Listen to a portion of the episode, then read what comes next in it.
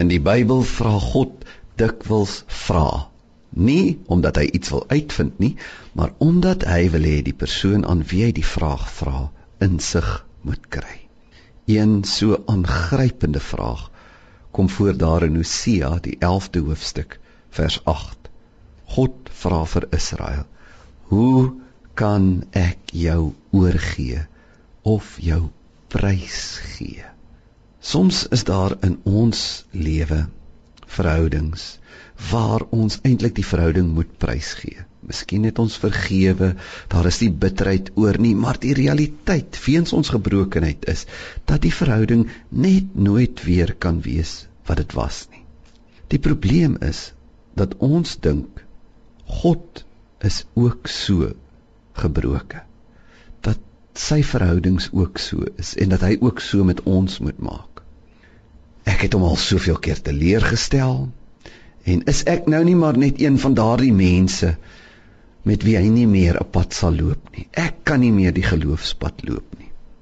Die vraag wat ons vandag bekyk is deel van 'n storie, Hosea se storie. God sê vir hom: "Neem vir jou 'n prostituut as vrou, byna soos 'n Hollywood fliek."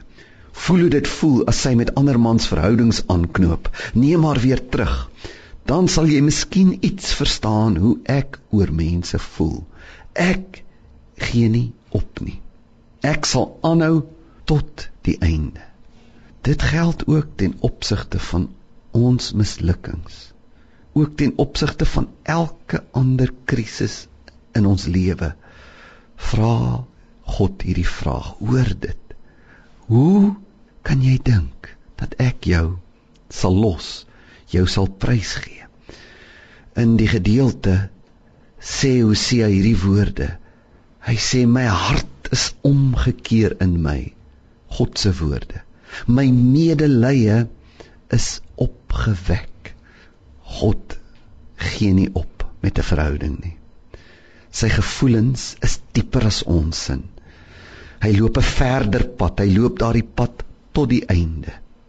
Daar kan geen skande of krisis groot genoeg wees dat God soos ons word en 'n verhouding laat vaar nie. In Hebreërs 13 sê die skrywer dat ons nie ons lewe moet bou rondom geld nie. Ons moet 'n tevredenheid met ons saamvat. En dan sê hy hoekom? Hy sê want God het gesê ek sal jou nooit begewe en jou nooit verlaat nie. In die Grieks is daar eintlik 'n driedubbele negatief.